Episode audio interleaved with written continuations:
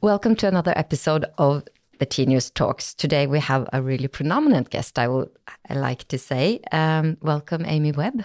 Thank you so much for having me.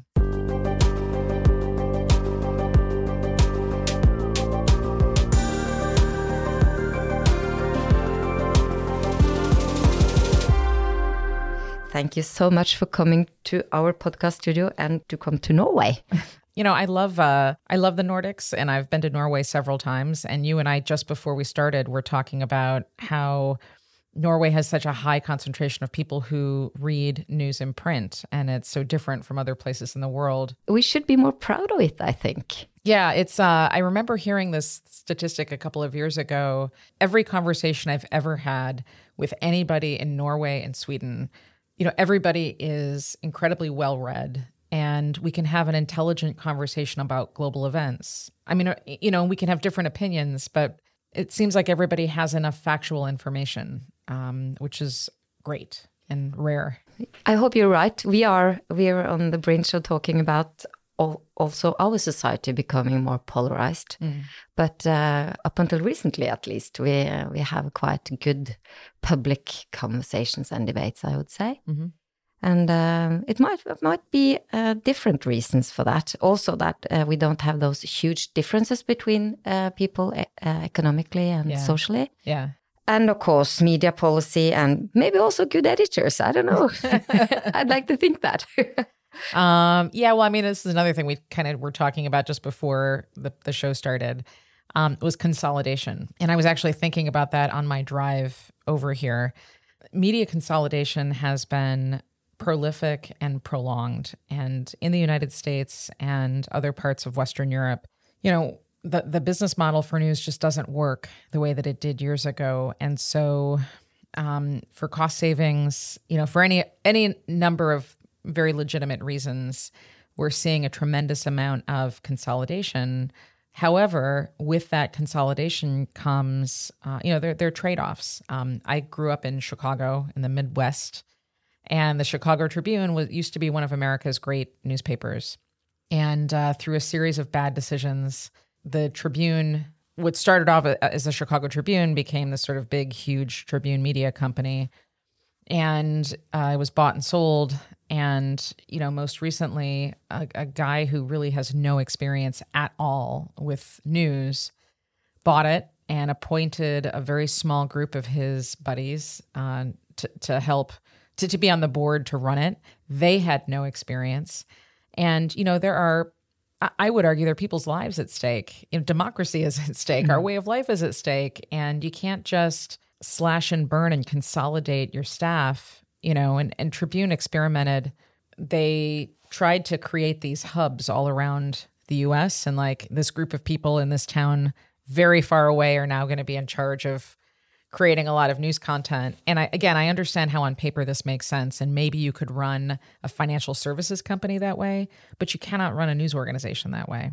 The, the real tragedy here is that it is not like the business problem popped up overnight. I mean, this has been a problem that started in the late 70s, and you could argue even before then.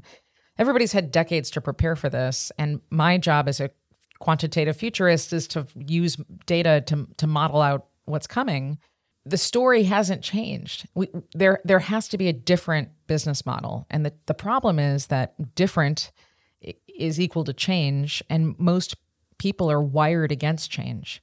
The bottom line is, if we continue to define news as a commodity, the way that we define rice or you know toys or or whatever then the model that works is one that's based on transactions and sales and i I think that given what's happening with how data moves around and the consolidation of data ownership and internet services ownership and the big tech companies, we're going to have to think this through in a different way if we want journalism to survive. No, we've just jumped into a lot of uh, yeah, yeah. topics. I have to present you properly. You're a futurist. Yeah. Uh, you are the founder of the Future Today Institute. You make a lot of predictions. So there's no way to predict the future of things in general. So anyhow, I don't make predictions. I make connections yeah. using data. Yeah. And and you talk about trends. What what distinguishes a trend from something that's trendy? Yeah, so we would say that there are four main characteristics of a trend. Um, it tends to fulfill some kind of basic human need. Um, it tends to evolve as it emerges. It's timely, but it tends to have started a long time ago. Uh, so it's not a flash in the pan. And it typically, you know, trends are typically the result of many different inflection points, different things coming together from the fringes until they uh, become something else you know, there are lots of different ways to think about this. Flying cars are a good example. Everybody keeps talking about flying cars. And what's crazy is that every decade since the very first cars were coming off of the production lines, somebody has tried to build a flying car. The first patent that was filed was 1917. Really? It, yeah, and it's a hilarious drawing because it looks like an old Studebaker. It looks like an old car with like uh, wings sticking off of it. Um, and and every decade since then, people have made flying cars, and some of them, like in the six, the 40s, 50s, 60s, 70s, they actually flew for a little bit, and they were cars with airplane wings basically attached. But what we should ask the question because here we are in the year 2019 and Singapore is launching a flying taxi service and Dubai has been experimenting. Uber has, you know, Uber for we ought to ask the question is is the flying car the trend? And I would say it's not. The the real trend is getting from point A to point B much faster uh, and efficiently. That doesn't sound very trendy. It doesn't sound exciting, but that's what the trend is. What's interesting is that we keep coming back to cars mm. when there are all kinds of other alternatives like um, bullet trains, you know, in Japan, for example, or China's you know, developing all kinds of new maglev technology. The Shinkansen in uh, yeah. in Japan, yeah, that's right, mm. that's right. Mm. Um, but we see these different approaches. Mm. So the real trend is we got too many people trying to move around, and we're just trying to help people move around faster.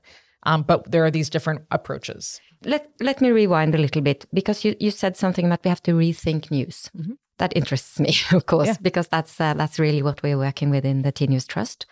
But the problem I find about rethinking news is that there are all these different shades of gray. I mean, you have the news that's news, but from there we move uh, further and further away. Uh, we call it news, but it's content marketing, maybe, mm. uh, or we didn't notice that it was content marketing. And then you have some trolls that is making something that, and and then you have just bad journalism. Mm-hmm. So how do we think news? You know, as a futurist, I spend a lot of time looking into history, um, and I spend a lot of time thinking about the future you know, if you go pretty far back, um, there's always been a culture of news that is rooted in evidence and fact and good, solid reporting. And alongside that, there have always been strange new ways to excite people and grab their attention with, you know, content that is maybe not as accurate. So it's 2019. You know, we have a huge problem with social media. And this is not, you know, earth shattering news. Do you think social media is major good or major bad? well, here's here's the thing. It's about distribution. I remember in 2011, maybe it was. No, it was earlier than that, maybe 2008, having some conversations with news editors about the changing distribution. And in the mid to late 2000s, a lot of news organizations still didn't think the internet was all that important, you know. And now here comes Facebook and here comes Twitter. I, I vividly remember listening to NPR, which is our version of what is it, NRK? Yeah. I vividly remember the morning anchors um, making fun of Twitter. So somebody clearly made them as part of their script say, you know, and you know, look at whatever at NPR. 160 characters. Ha ha ha. Right. No, no. And they were, I, re- I remember them saying, you know, calling it twatter or tweet or I don't know, this crazy, you know, and it was, it was just such a sign that nobody was taking the evolution of distribution seriously. When I'm advising companies, I explain that as a futurist, I don't use a timeline to think about the future. So a timeline is good if you're trying to launch a new product in your newsroom or whatever but when we're talking about uncertainty, a line doesn't work. A line would assume that we're just marking tasks that have to be done. When we're really thinking about the evolution of something, you need to use a cone. So if you think of a cone, I'm sort of showing you with my hands right now. I realize it's hard, but imagine with us, if you will. um, where you have the the entry point of the cone or the most narrow point where the two vectors intersect, um, and then it sort of the arrows go out in time. At the present, uh, we have the most data and certainty we're ever going to have, so we can make some some tactical decisions about things. The further out in time we go, the reason that the fu- the the cone gets wider is because that represents less data, less evidence, therefore less certainty. But it doesn't mean we don't plan. So right now, um, or at any given time, you can make st- tactical decisions, and those should be in service of whatever your organization's strategy is. However, all of that has to be done thinking about the vision for the organization and for the industry and then the evolution, which is the furthest um, section out on the time cone, um, h- how this whole thing is going to evolve. The problem is that every news organization, you know, nobody has enough staff. Uh, it's a daily publication. It's Armageddon, right? And so, eh, what I hear over and over again is, "There's no, we can't, we don't have time. There's no time to do any planning. We've got too many fires we've got to deal with, um, or there's too much disruption. So why bother?" And the, the answer to that is because look at where we are now. Because news organizations didn't imagine their own futures and think about distribution, not content, not building a better, cool mobile app or whatever, but like really, what does all of this look like given what's happening um, with data and the fact that the internet functions differently everywhere on the planet? That you all these things, right? Um, if you're if you're not defining that, then somebody else is going to define it for you and drag you into the future. And that is what Google and Amazon and Microsoft and IBM, it's all of these companies are currently doing that. And and it's fine if you want to ride that wave, but you better have a business plan that goes along with it. Otherwise, you're going to get gobbled up. And that's what I see happening. And that's the sick thing is that this didn't happen overnight. This was not a trendy thing. Um, this was a long tail, long term emerging trend that everybody chose to ignore. And we are still, or we, the newsrooms, mm-hmm. are still uh, uh, focused on uh, uh, their proprietary distribution, you think? Again, it's been my observation. There are some really, and we're talking about huge generalizations. Um, there are some brilliant people working in newsrooms all around the world. But the thing that takes people into news is content. You know, it's the story or it's it's managing the process, but it's still about the story. The problem is news organizations don't own the transmission anymore. They don't own the distribution. Um, they used to, you know, and probably in Norway, I would assume you still own some of it because you probably have the printing presses and the trucks and the so you own that process. But once we're talking digital, you don't own that process anymore um, which means that you are subject to whatever somebody else wants to do. Google and Facebook, I don't, you know, I don't see them as friends of news organizations. Um, and not I know even, not even frenemies. Well, um, even even in a frenemy situation, everybody has something to gain. You know, there's some kind of competitive spirit. There's no way to compete, and and, and that's what makes the what we were talking about with fake news and misinformation all the more troubling. Because before we had editors who were the arbiters of what content was published or broadcast or whatever and ostensibly we were doing that thinking about the public good. Um, that is not what's happening right now. We don't have those arbiters you know and the fact that facebook is okay publishing you know, yeah, outright lies that that that that can sway the future of an entire country. I mean, that's an incredible amount of power that we have now given to just a handful of companies who by def- by by their the way that they are incorporated um, they have to put profit at the center of what they do but do you think um, just to put a major question mm-hmm. do you think we will succeed or you will succeed in breaking them up well, I don't know that the big tech companies can or should be broken up. And so, again, this is where things get really complicated. You know, we are biologically limited by the squishy computers inside of our heads, right? Our brains. And our brains love patterns. So, one of the problem is that we, I think humanity has, is that anytime we're faced with an existential crisis, we tend to rely on the things that we know. It's comforting, it saves energy, all of the rest of it. So, I think a lot of people are looking at Amazon, especially, but also Google and certainly Facebook and saying, we got to break them up. These companies are too big, they have too much power. and they're using references from the 1980s. So like when AT&T, which is right, you know, very often AT&T, yeah. Mm. Right. The problem is that and I'm sure everybody listening knows this, AT&T was a telephone company. you know, like there were phones, there were phone lines and people made phone calls. That was kind of the extent of it. Um, we don't have enough time. If I started right now and we went to midnight tonight, that would not be enough time for me to describe for you all of Amazon's businesses because Amazon is not just Amazon.com. Amazon is also AWS, which is the world's largest cloud, you know, and computing network. Amazon is also uh, a logistics company. Amazon is an airline company. Amazon is uh, a company that provides deep data analytics. You know, same thing with Google. Uh, Facebook is a little bit more narrow, but but so you can't just break these companies up. And also, if we spend however long arguing about this, um, or or trying to make it happen, it's going to wind up in the courts, and we're not going to get anywhere. We need to get to some kind of new paradigm that makes sense for the future for all of us. But what is that paradigm, or well, what is an alternative solution to to those huge powers as you described so them? This is not going to be. This is this is not going to be a popular. um, you're not going to like what I have to say. Okay, but I am listening. but we should. and please debate me. Uh, I'm I'm happy to to hear other thoughts on this. These are publicly traded companies. So at this point, there are legal issues because right now they incentivize shareholder value. We have to figure out a way to incentivize stakeholder value, right? And and basically putting stakeholders at the center. Now, some stakeholders are the shareholders, but stakeholders are also us and my 9-year-old daughter who doesn't use any of these systems and whose picture is not anywhere because um, we don't post anything about her, but who will inherit the mess that we've made, right? Because it, it spirals out. So the question is how do you incentivize stakeholder value? One thing is to prioritize speed over safety. I'm sorry, to prioritize safety over speed. Right.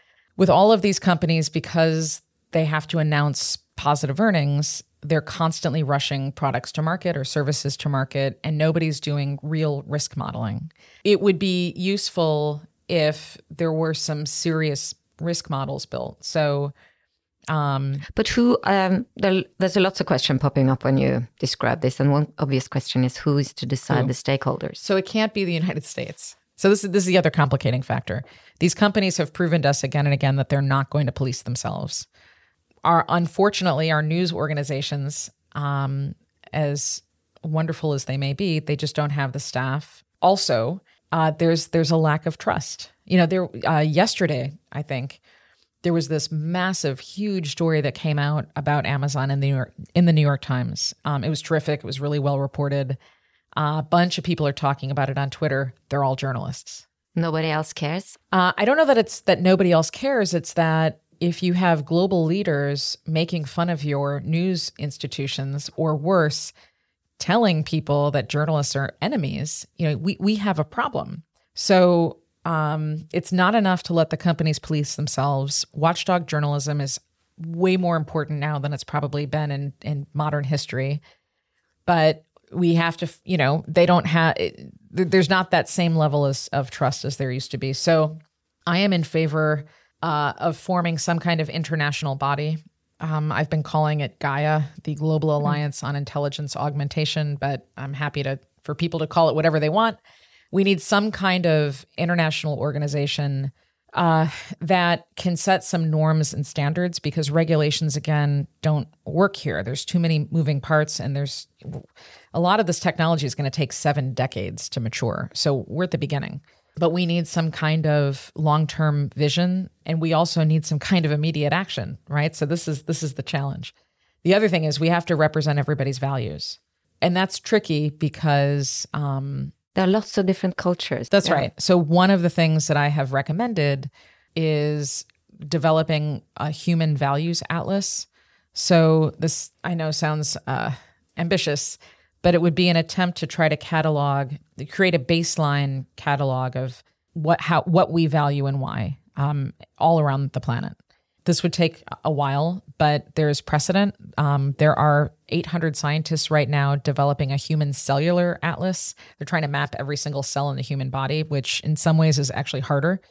Um, you know, if we had a, if we had an army, if we had like 800 to 1,000 um, anthropologists and sociologists and journalists, you know, and and people and from all around the world endeavoring to create a human uh, values atlas in a way that that the data could be then used and updated because this you have to kind of update it as our values are changing. Um, I think from there we would be able to make better decisions, and I think this is a way to hold the the tech companies like more accountable because the problem is there's been no action other than sweeping regulatory action in, in the EU. So mm. we, we need to do something else. And I think the the best way to do it is through economic incentives. So that's me saying we have to figure out a way to get these companies to earn more money, um, which I know sounds nuts, right? Yeah. But but if we can come up with economic incentives so that they can they are incentivized to put stakeholders in the center, and and by doing that they earn more value in whatever way, I think that helps. If if you look at another issue that we uh, write some about, at least in Norway these days, is is the the, the effort of taxing these companies. Mm. So taxation is rough too because there are always loopholes, and everybody's we're dealing with different tax incentive and structures in different countries. Actually, it was I got this idea because I was years ago I was in Bergen um, talking to some journalists over and, dinner. And editors, uh, actually. Yeah. Yep, yep. And uh, Ingrid Sturgis was there and some others. Anyhow, and I was just thinking um, if we treat data as sort of a big public good, and we think of the internet and even artificial intelligence as a public good, couldn't we figure out a way to divide the value more equitably? I, I, I'm not in favor. In general, I don't get super excited about blockchain um, um, and the commercial sides of it. It's again, this is another big hyped area, and cryptocurrencies. There's there's a lot of complications with, but the idea of a distributed ledger, which is where, um, and for those who aren't familiar, um, the underlying technology, uh, think of it as a like an online Google spreadsheet or an Excel spreadsheet or something. Um, that's immutable, which means anybody can put information into it but nobody can take it out. So there's going to be a record forever of everything that's entered. And it can be de identified, which means that it can be linked to a specific, like the transaction can be recorded, but it would be hard theoretically to, to pin it back to you or to me or whatever. So here was a thought that I, I started having, the, the nuggets of a thought that have sort of matured over the past couple of years but starting in Bergen. It did actually. It just yeah, started in. That's uh, great. started on the way after that dinner on the way home. I was thinking about this. The thought that I had was, what happens if every single time we so any packet of digital data that we transmitted using a social network or email or whatever, but any packet of digital data where somebody else made money. So through advertising or through reselling, there's a lot of places where others make money on your data that that transaction would be recorded. And then the value of that trans so it's where things get a little complicated but the value of that transaction um, that you would as a consumer or whatever a person you would normally get nothing in return. Uh, what if there was a way to get you know some tiny fraction? Like a reimbursement? A reimbursement or um, yeah i mean basically a way to there, there are a lot of people, most of us are disenfranchised from the global digital economy now um, because everybody else is making money using our information. So I've been thinking, you know, is there a way to use a distributed ledger so that every time uh, some some transaction is made, um, that that we are getting a part of it. We're we're getting a part of the profits. And I think that this can be done in a way. I know that it can be done using blockchain. I think it can be done in a way that uses a so it's funny blockchain is all about no central authority but this would have to be a central authority. Right. Contradiction um, in terms really. right right. But i which i understand. Um you know and we would uh, make this equitable for everybody but i think this starts to solve a bunch of problems. One it makes these companies more accountable. And two i think more than anything else it makes them transparent.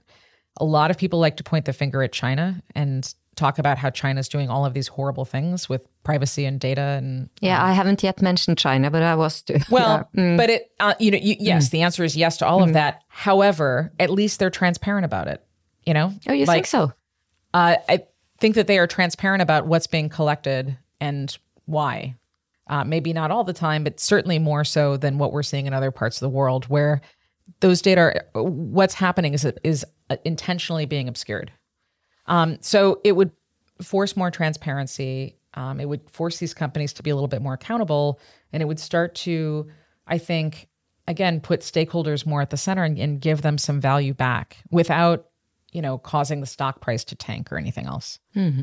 I have to ask you what what uh, in our world is a, is a major issue these days, and I, I see that you point in your trend report for 2020 on the fact that you think that the digital subscription model isn't working. Mm-hmm. Uh, and you know, that sounds like a very, that's bad news, you know, for the media business. We are quite, have been quite proud of introducing subscription to the newsrooms mm-hmm. and it has been successful. It will obviously uh, not uh, increase that much as it has.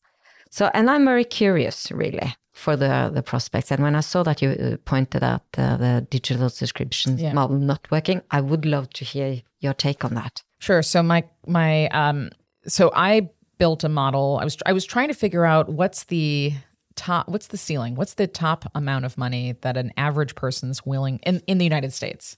I think we did this for North America.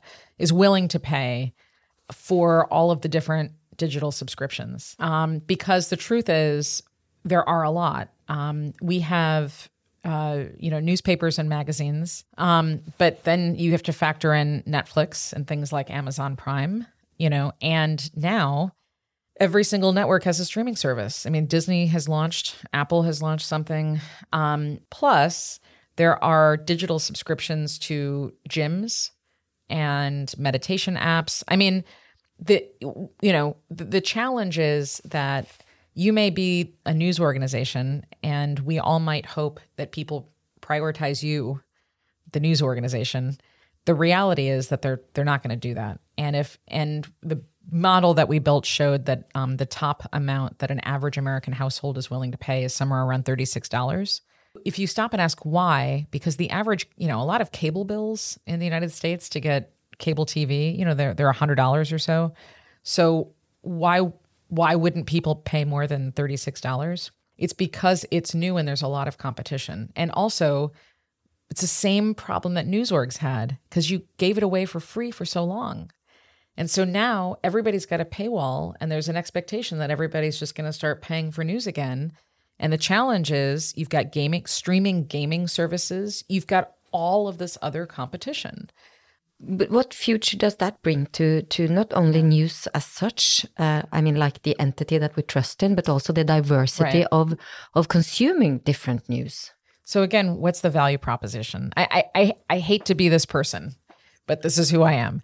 Um, you know, what is the value proposition that you present? It can't be mission driven and altruistic only. It can't just be we're trying to shine a light on, you know, all like all of that's important. But from a consumer's point of view, why why should they invest? You know, what's what's the point here? Uh, and, and by invest, you mean why should I pay? That's right. Mm. That's right. Um, and to to when we tried to answer that question, uh, so we built this little chart um, that I think is it may or may not be in our in that report, but we were looking over many periods, many we were looking over many years. Um, what caused people friction uh, with the different media sources? So the challenge is that there was a, there were a ton of newspapers, uh, t- tiny ones, you know, hundred years ago, and then there was radio, and then there was television, and television, you know, terrified everybody. There were three stations, and as television morphed into, you know, f- from just a few local broadcast stations into what it is today, and then all of the streaming services and everything else, um, the companies that started out as streaming services built something that was easy to use and frictionless. And a lot of the streaming services that have been built by legacy broadcast networks are terrible. I mean, I Hulu, you I don't think you get here, right? No, we don't. So so imagine this. You you you want to you've paid for this service, you want to watch your shows. Um, you turn it on. There's a beautiful multicolored neon. I mean, it looks very futuristic, and it says "Welcome," whatever your name is. And then you are shown like five things on the screen, and it is impossible to figure out. And I'm pretty tech savvy, right? But it's it's a challenge to figure out how to get to the thing that you want to watch. So the, the Hulu problem is analogous to what I'm seeing happening in news organizations all around the world. These are not digital native organizations, and the people working and building, like building the stuff in these organizations, um, are having to do that within the heavy framework and legacy of news.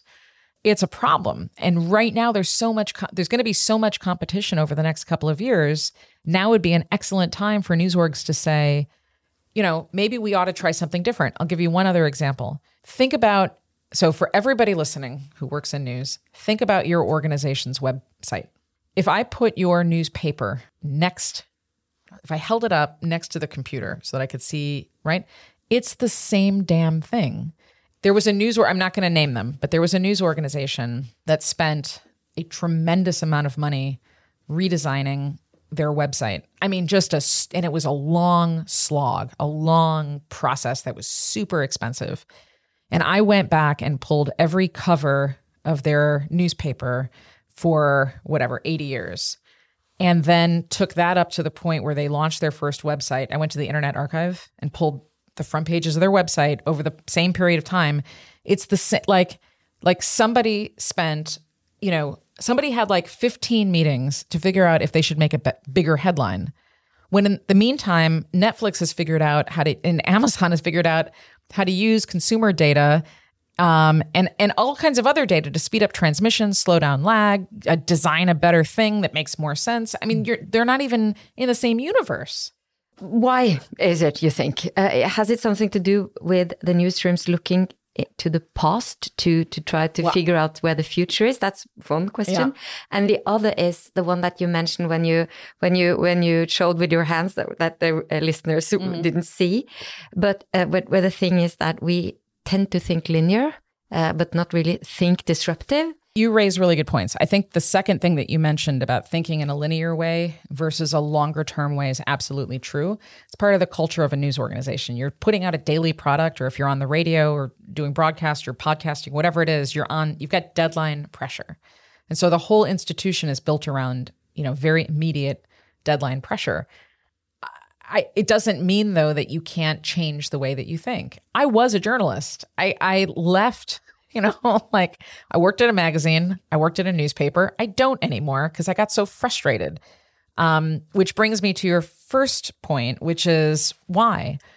Again, my observation is that people who go into news, they tend to not. They tend to want to make content, maybe? They make content and they've never worked anywhere else. I don't know a lot of people running news organizations that have worked both in a news organization and at some other kind of company.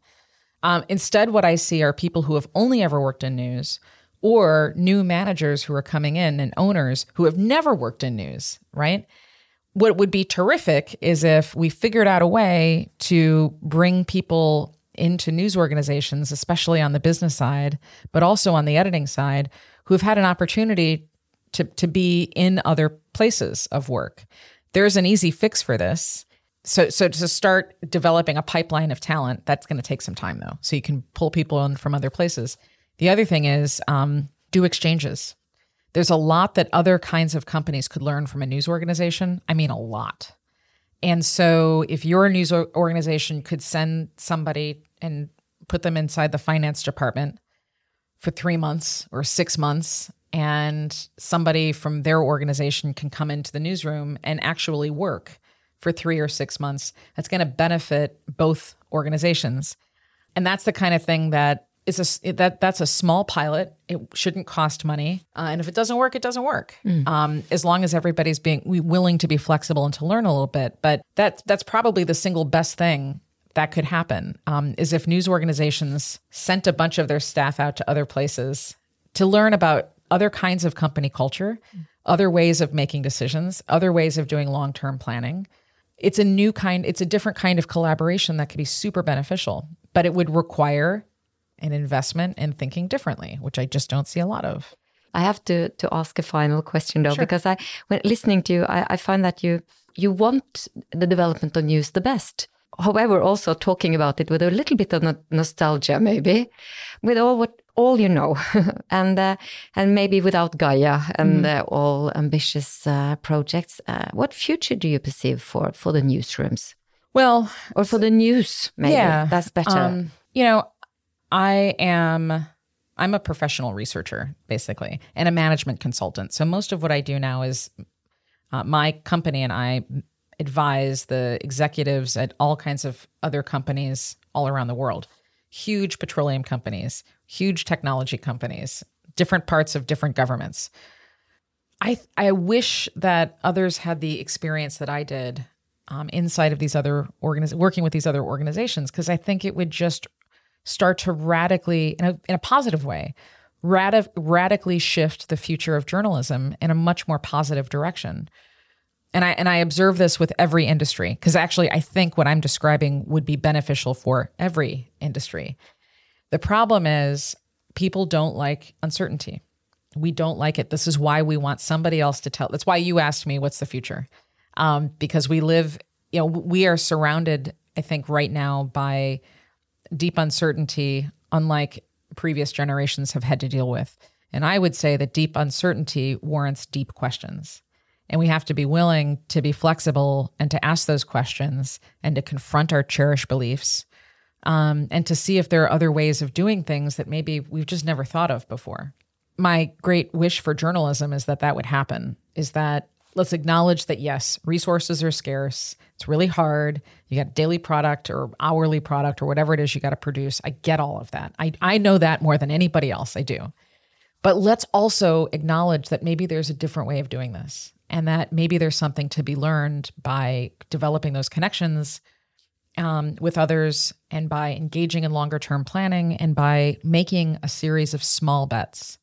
If news organizations wait to make one huge bet on the future, um, the probabilities are not with them. you know, um, I would much rather see news organizations be willing to make a thousand tiny bets, just see where things happen. Than um, one great. That's right. And the other nice thing is that incremental change is easy to stomach when you know big huge sweeping change is not. So everything that I'm describing is doable and it's in the best interests in the in the in the short term and the long term for news organizations, but it's going to require leadership to make some different decisions and to be brave going forward. Would you invest your money in a newsroom these days? I have to say, I do not give financial advice. I should just say that. As as an investment, no.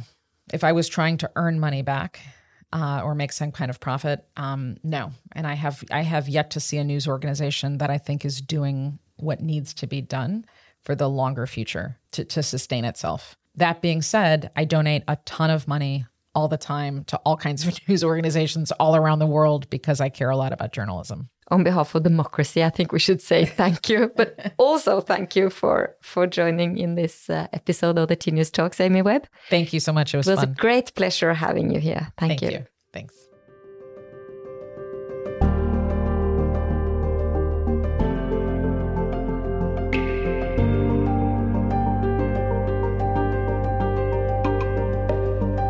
The interview was held by Kjersti Løken Stavrum, the CEO of the Tinius Trust. T-News Talks is produced by Hansine Korslien. Remember to subscribe to T-News Trust's newsletter on media and technology on tinius.com. Thank you for listening to our podcast.